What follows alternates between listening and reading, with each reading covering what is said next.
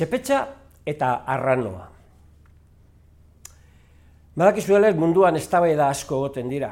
Eta gure baso berezi honetan be, izugarrizko eztabaida sortu zen. Ia txorien artean, edo egaztien artean, zein zen goren edo garaien egan egiten zuena.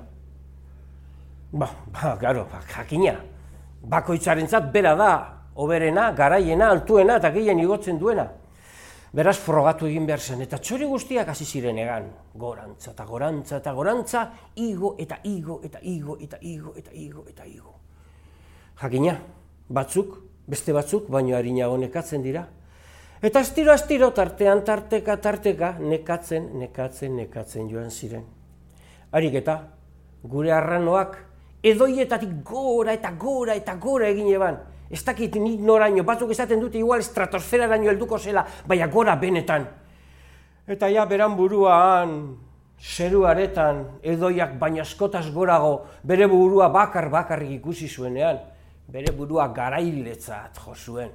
Eta esan zuen, ah, sasoia da, nekatuta beban nago eta banoa berantza. Eta berantza zizen une horretan, gure arranoaren luma artetik atera zen txepetxa.